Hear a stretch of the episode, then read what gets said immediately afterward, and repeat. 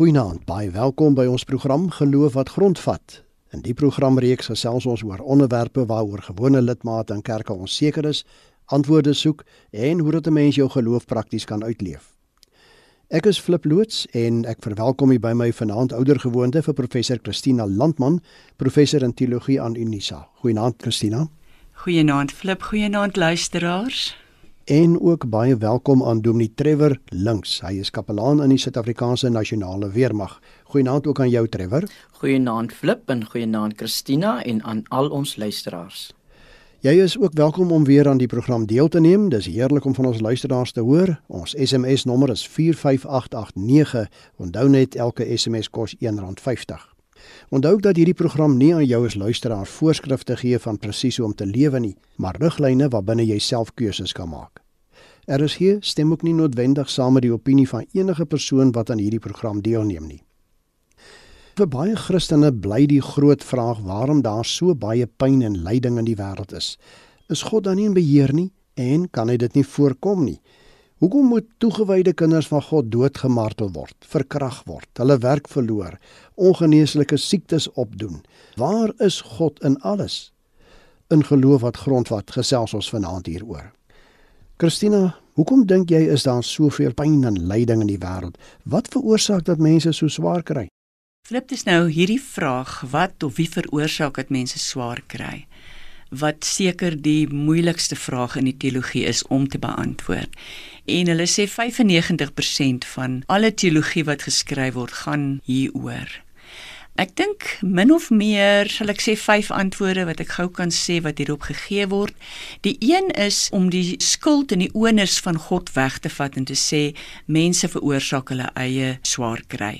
God het vir hulle vrye wil gegee en die ellende wat jou oorkom is jou eie skuld. Dit is nie heeltemal 'n bevredigende antwoord nie omdat baie mense onregverdig ly en ook dan wat dan van die liefdevolle God, hoekom laat hy dit toe? En as hy almagtig is, hoekom doen hy nie iets daaraan nie? Die tweede antwoord vat ook die onus van God af weg en sê maar eintlik is die ellende wat mense oorkom sisteme se skuld.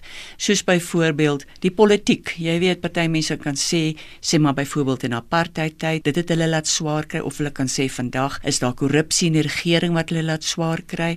So dit is nie God se skuld nie. God staan aan die oplossing kant en nie aan die skuldkant nie.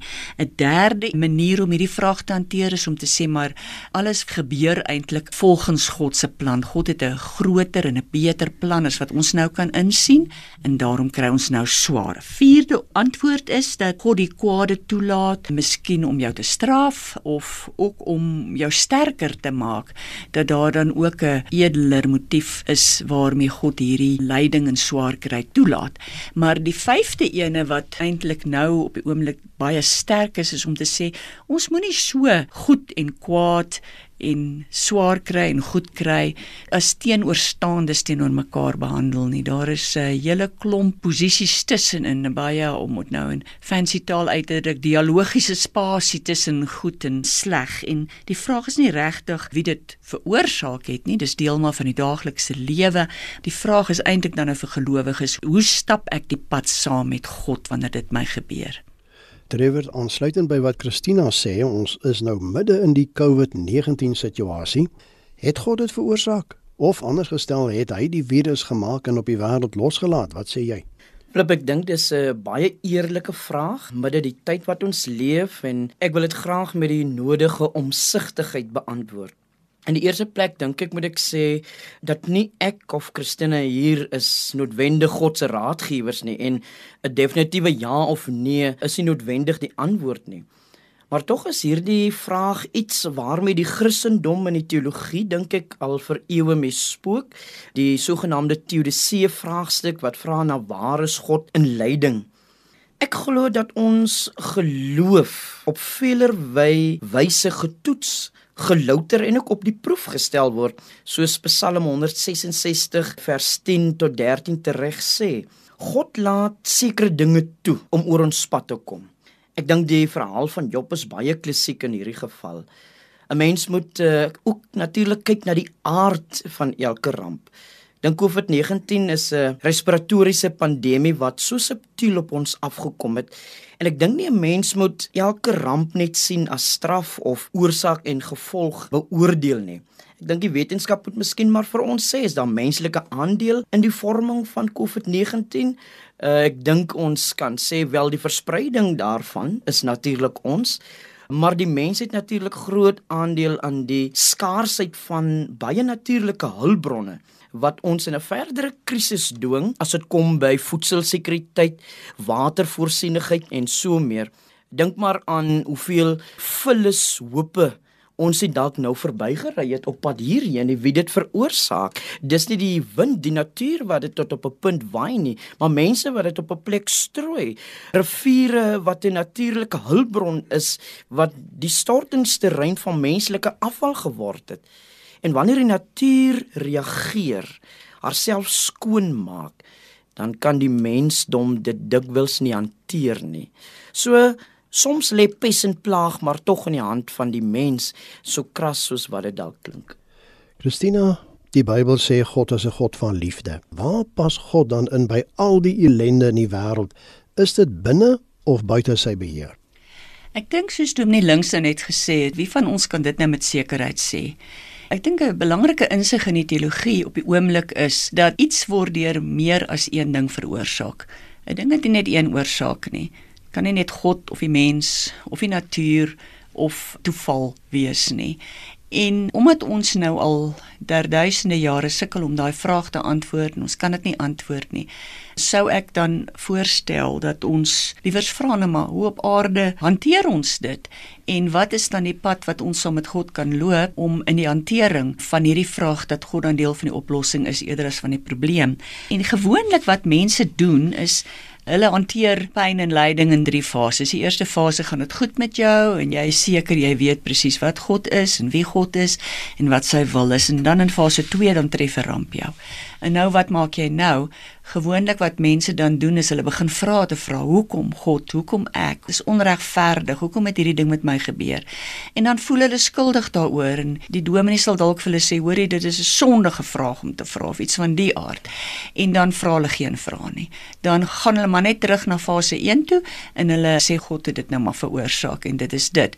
En dan kom ons nou by vraag 3 waar ons nie ordentlik vrae gevra het nie, nie ordentlik gedink het oor ons verhouding met God nie en dan gaan ons nou maar aan die ramp is nou verby en ons gaan nou maar aan met 'n vlak verhouding met God terwyl ons eintlik die manier wat ons dit hanteer is om dan daai nader wees aan God moet ondersoek ons verhouding met God te ondersoek en te kyk wat is die beloftes van hoop in die Bybel dat ons saam met God hierdie pad kan stap dat ons 'n ryk en vervullende verhouding met hom kan hê eerder as om net te bang te wees om te vra hoekom het dit met my gebeur Trevor Christina het gesê God is eerder deel van die oplossing as 'n deel van die probleem.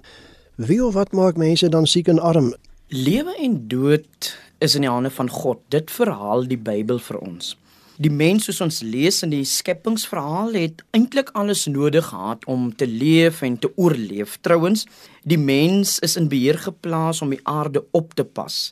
Ek dink dis die sondeval wat ons kom roof het van baie dinge. Dood was byvoorbeeld nie in God se aanvanklike skepingsplan nie as ek Genesis reg lees. So ek dink die sondeval het ons op 'n proses van verarming kom plaas. In die Exodus siklus sien ons tog uh, dat God onapologeties self die pes en die pla oor mense bring, maar dis as gevolg van die koppigheid van die farao. So God straf die farao en die hele Egipte lê uiteindelik daaronder. Ek dink verder die mens het tog aandeel van die vroegste tye af in hoe die samelewing en die wêreld vandag daarna uitsien. Ons kan natuurlik nie God vir alles verantwoordelik hou nie. 'n Tergvraag, is God verantwoordelik vir die padverbruiker wat op hoogtes en blindekolle vragmotors verbysteek? Is God verantwoordelik vir die dronkbestuurder of die barbarisme wat ons op paaie sien? Gans tog nie. Ek glo dat die meeste mense byvoorbeeld relatief gesond gebore word. En wat ons verder met ons liggaam doen, is ons eie toedoen. So God bly egter steeds genadig om vir ons die wysheid te gee om medikasie te ontdek om ons lewens verder sinvol in te rig, om ons eie kwale te behandel. Ons is gebore met denke en met rede. Om dit nou maar mikroskopies te stel, is ons tog mede verantwoordelik vir wat met ons gebeur. Maar dink nou maar aan baie oorloë. Dit het gegaan oor territoriale gewin en die hoophappigheid van natuurlike minerale en hulpbronne. En die ganse mensdom lê nog steeds daaronder. Maar dan kom daar die groot rampe, lydingsvraagstukke wat natuurlik bo ons begrip is en soms dink ek God laat dalk hierdie onbegrepe situasies in ons lewensdag afspeel amper soos COVID-19 waar niemand werklike antwoord het nie maar dis soos 'n wekroep. Ek is nog steeds God. Ek is in beheer. Lewe en dood is in my hand. Dit is RSG met die program Geloof wat grondvat en ons gesels vanaand oor waar kom pyn en lyding vandaan. My gaste is professor Christina Landman en Dominee Trevor Links. Onthou ook as jy wil saampraat, die SMS nommer is 45889. En elke SMS kos R1.50. Christina, hoe lyk God se liefde En hoe lyk God se straf? Hoe onderskei 'n mens tussen die twee? Daar doen ons nou weer die oeroue ding om alles as teenoorstaandes te sien. Straf en liefde en dan is dit vir ons 'n vraag, is God nou besig om my te straf? Doen hy dit uit liefde? Terwyl daar baie ander dinge as liefde en straf ter sprake is wanneer ek in 'n krisis is en my verhouding met God daardeur beïnvloed word. Daar's dinge soos genade, daar's dinge soos keuses, daar's dinge soos herstel, daar's dinge soos God wat verras. Daar's 'n hele klomp dinge wat daarin kom. Eerder behoort die klem te val of hoe glo ek in 'n God wat saam met my stap, wat beloof het om my nooit alleen te laat nie, nie op aarde nie nie graf nie, nooit nie. Mense moet ook nie lig na mense se krisisse kyk nie. Ek meen daar is net tyd wat kom wat jy kan nie sê ek gaan net anders na my krisis kyk nie. Wanneer jou kind sterf, kan jy nie net jou kop draai en dan is alles weer reg nie. Of as jou werk verloor, as jy nie kos het om te eet nie, jy kan nie net jou nuwe houding inslaan nie. Daar is maniere waarop jy iewers vandaan die energie maar ook die praktiese dinge moet kry om aan te hou stap. Trevor, help ons 'n bietjie Hoe behoort 'n mens op te tree midde in 'n krisis of lyding wat jou tref? Ek kan maar bloot 'n skoot gee in die donker omdat mense verskillend tog enige situasie hanteer. Ek dink die mens is van nature 'n beheervraat. Ons glo dat ons in beheer moet wees van dinge, van sake en van omstandighede. En dis juist wanneer 'n krisis ons tref dat ons fondamente 'n bietjie geskit word, want daar is 'n handleiding om te sê hoe hanteer ek krisis? Hoe hanteer ek lyding? Hoe hanteer ek hierdie ding wat onverwags oor my gekom het? En lyding laat my altyd besef dat ek nie in beheer is nie, nie oor die gang van omstandighede nie en selfs nie oor my eie emosies nie. Soms is jy stom en ons grootste fout soms is ons wil vir alles antwoorde verskaf. Geloof dink ek is juis hier die kompas. En dis dalk makliker gesê as gedaan, maar geloof vir my speel 'n baie groot rol in hoe ons krisisse en lyding hanteer. Ek dink die Grendelperiode byvoorbeeld het vir ons baie geleer oor hoe aanpasbaar en veerkragtig die mens kan wees. Vir die eerste keer is alle mense gelyk, ongeag geloofs-oortuiging, geslag, ras, kultuur of seksuele oriëntasie. Almal moes buig onder dieselfde reëls. En dit het ook gewys dat ons almal tog saam deur 'n krisis kan gaan. Maar ek dink as Christen gelowige moet ons altyd onsself afvra: Wie is God in hierdie situasie? Ons vra heel dikwels die verkeerde vrae in 'n krisis en lyding. Ons vra altyd na waar is God? Ek wil ek wil beweeg na wie is God in hierdie krisis en dit vra na 'n geloofskuif ook. Hy steeds die God wat die son laat skyn oor die regverdige en die onregverdige. Hy steeds die God wat laat groei. Hy steeds die God wat kan genees.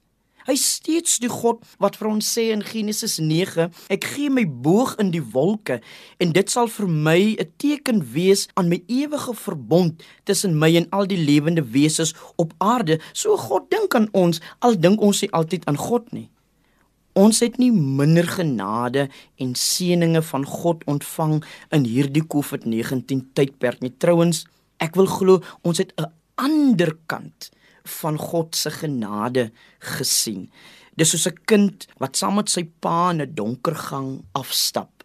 Jy hou jou pa se hand eintlik net stywer vas en dit gee vir jou 'n tipe gemoedsrus. My pa is by my al is dit donker. Christina, daar's mense wat beweer dat jy alles wat oor jou kom gelate uit die hand van God moet aanvaar en jy moenie teen die prikkels skop nie. Maar is aanvaarding in alle gevalle die regte ding om te doen? Ek dink byvoorbeeld hier aan Job. Hoe sê jy? Flip, weet jy ek dink byvoorbeeld aan iemand soos my ouma. Sy het alles aanvaar wat oor haar pad gekom het en sy het baie swaar gekry. Maar sy het 101 geword omdat sy nie teen die prikkels geskop het nie. Maar as jy nou vir Job as 'n voorbeeld wil noem, dan is Job heeltemal anders as my ouma. Job het eintlik nie dinge aanvaar nie. Job het voor God amper kan mens sê as 'n gelyke in aanhalingstekens gaan staan en gesê ek soek antwoorde. Ek gaan nie sommer my laat troos deur hierdie maklike antwoordjies van my vriende en doen nou dit en word net meer vroom en aanvaar dit en dit. Ek gaan nie ek soek antwoorde. Hoekom het hierdie goed met my gebeur? Hoekom bring jy hierdie dinge oor my so daar's baie verskillende voorbeelde hoe mense krisisse in die Bybel hanteer het. Ons doen baie keer met vroue wat sê maar kinders verloor het doen ons berading en dan vat ons die vroue in die Bybel as voorbeeld hoe hulle hulle krisisse hanteer het. Want ons lees nie eintlik heeltemal in die Bybel hoe die vroue die krisis hanteer het nie behalwe omdat hulle aan hulle geloof vasgehou het hulle 'n besondere goeie kans gehad het om 'n krisis te oorlewe. En dit of jy nou aanvaardinge doen en of jy nou soos hulle in Engels sê 'n surrender mentality het en of jy voor God gaan staan en sê ek soek antwoorde dit wat jy uiteindelik deurdra glo ons is 'n geloof dat jy en God wel hierdeur kan kom Trevor, daar's baie mense wat dit onverteerbaar vind as ek die woord mag gebruik om van 'n liefdevolle, goddelike Vader aan te praat by 'n afskuwelike siekte soos kanker en selfs by gruisame motorongelukke.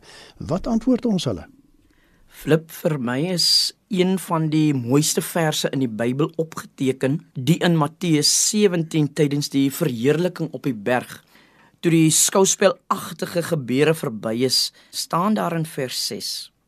Toe hulle opkyk, het hulle niemand gesien nie, net Jesus alleen. Ons hoeveel dikwels eintlik niks te sê nie, soos die vriende van Job wat maar net daar was, wat net opgedaag het en ek dink mense sal in hulle se krisis besef wanneer hulle terugskouend kyk en net besef dat ons was tog saam met Jesus. Jesus alleen in die gestalte van sy kinders wat hy op ons pad gestuur het toe ons gedink het ons was alleen. Ek dink die kankerpasiënt se belewenis is nie dieselfde as die persoon wat die lyding aanskou nie. Baie keer is dit die een wat die lyding van die geliefde aanskou. Vir daai persoon is dit meer erger as die een wat eintlik daardeur gaan. My filosofie is altyd om nooit te probeer om net goedkoop antwoorde te gee in tye van lyding nie. Ek sê gewoonlik, kom ons praat dit uit met God. Wees eerlik met God oor hoe jy voel in die krisis. Is terapeuties. Ek is baie geheg aan die woorde van die ou Sions gesang gaan vlug met jou smarte, spesifiek die strofe wat sê gaan sê dit vir Jesus. Hy maak alles goed. Ek dink dit help om eerlik met die Here te praat, te worstel oor tyd vorm die seer 'n roofie en ons stap wel verwond dog heel ander kant uit. By die dood van Johannes die Doper self in Matteus 14 vers 12 staan daar sy disippels het sy liggaam kom haal en begrawe en hulle het dit vir Jesus gaan vertel. Gaan vertel dit vir Jesus. Dit is RSG met die program Geloof wat grondvat en ons gesels vanaand oor waar kom pyn en lyding vandaan. My gaste is professor Christina Landman en Dominee Trevor Links. Christina, die Bybel bring op verskeie plekke lyding in verband met God se handelinge. Ek dink hier byvoorbeeld aan Amos 3 vers 6 wat sê: "Sal daar 'n ramp oor 'n stad kom as die Here dit nie gebring het nie?" Wat sou God se doel met al hierdie dinge wees? Watter doel God ook al met lyding het. Dit is nou as God lyding veroorsaak of 'n deeltjie daarvan toelaat. Is die vraag eintlik hoe word 'n mens gesond na lyding? Dit kan vir verskillende mense verskillende dinge beteken. 'n Persoon kan byvoorbeeld dink, "Goed, God het my nou gestraf. Ek het nou dronk bestuur, ek het my been verloor. Nou sal ek dit nie weer doen nie. Dit is nou 'n goeie ding wat God eintlik vir my gedoen het of hy het my in die gevangenis gesit anders het ek nog verder onder slegte vriende verval." En as dit vir daai persoon gesond maak, dan is dit nie vir ons om daai eh, geloof te ondermyn nie. Maar die idee is dat ons sal sê, "Hoe kan jy op 'n gesonde plek land na lyding?" Ding. En eintlik op die oomblik is daar kommer dat sê maar sosioloë en sielkundiges dalk nie die godsdienstige kant behandel van gesond word nie. En daar kom al hoe meer 'n bewussyn dat ook sielkundiges en sosioloë moet kan sê maar geloof speel 'n baie belangrike rol in gesond word. Geloof kan jou siek maak, maar geloof kan jou ook gesond maak en daai idee van waarheen kan jy gaan na lyding dat jy op 'n gesonde plek is. Dis 'n vraag waarheen jou geloof jou kan lei en wat jy kan toerus met eintlik bonatuurlike kragte om op 'n gesonde plek uit te kom wat ook deur sielkundiges en sosioloë in aanmerking geneem moet word maar daai verskil van mens tot mens, daarom kan ek nie een antwoord gee op watter doel het God met lyding nie. Mense ervaar dit verskillend en om gesond te beweeg na lyding, en dit is 'n posisie wat elke persoon vir homself moet uitklaar. Geloof egter kan 'n belangrike en 'n gesonde rol in mense se herstel speel. Trevor, hoe moontlik is dit sou jy sê vir God om my te red of te verlos uit omstandighede waar ek ly of terugslag ervaar en, en wat is daarvoor nodig? Flip ek dink in die eerste plek moet 'n mens sê God is in staat. Mense wat nou luister kan sê ek is iemand wat by die dood omgedraai het toe die medisyne my afgeskryf het, het God my herstel, my genees, my teruggebring uit die dood. So baie keer is God se redding of God se verlossing ook nie noodwendig wat ons verlang nie. Een ervaring wat ek graag wil deel is die van 'n lidmaat in een van my vorige gemeentes wat sy vrou aan die dood afgestaan het aan die hand van kanker. En ons het baie gebid en gevra dat die Here haar eintlik op 'n wonderbaarlike wyse vir ons moet teruggee of verlos van die kanker. En op 'n stadium het die dokters geen kanker meer by haar bespeer nie. Uiteindelik is sy sonder pyn en sonder simptome ontslaan en sy het self uit die hospitaal uit gestap, gesond. Sy's egter 2 dae later weer ingehaas hospitaal toe en sy's oorlede. En natuurlik was ons almal oorweldig met skok en trauma. 'n nabetragting oor dit alles was my woorde aan die man wat het ons vir God gevra en wat het God ons uiteindelik gegee? God het jou vrou gesond gemaak soos ons gevra het.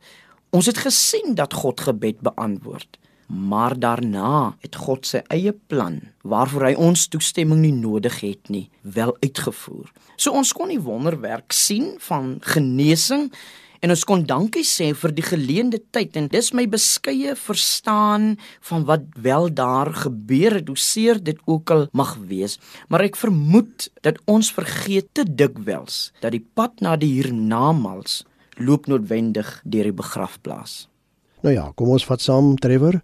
Net so laaste woordjie, hoe nodig is dit om altyd te verstaan waarom God toelaat dat bepaalde negatiewe dinge met my en ook met my geliefdes gebeur? Ek dink geloof word baie keer gebore juis in die smeltkroes van die krisis, in die vuuroond van omstandighede, in die woestyn van my eie omswervinge. En die meeste mense se gevoel is dat nood en krisis 'n mens alleen laat en 'n gevoel van verlatenheid laat beleef. En dis tog dink ek hoe God soms verkies om te werk. Hy praat met ons alleen in isolasie nie in die massas nie, maar juis agter geslote deure. En ons moet nooit dink dat rampe en teëspoed net altyd straf is nie. God voorsien ook altyd in nood. Ons moet altyd sien watter genade ontvang ek midde die krisis.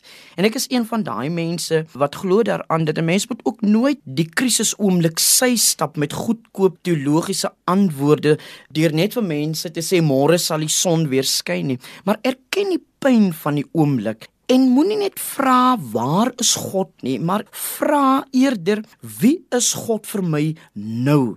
Dit gee vir my meer troos dat nie waar God is nie, maar dat God wel is.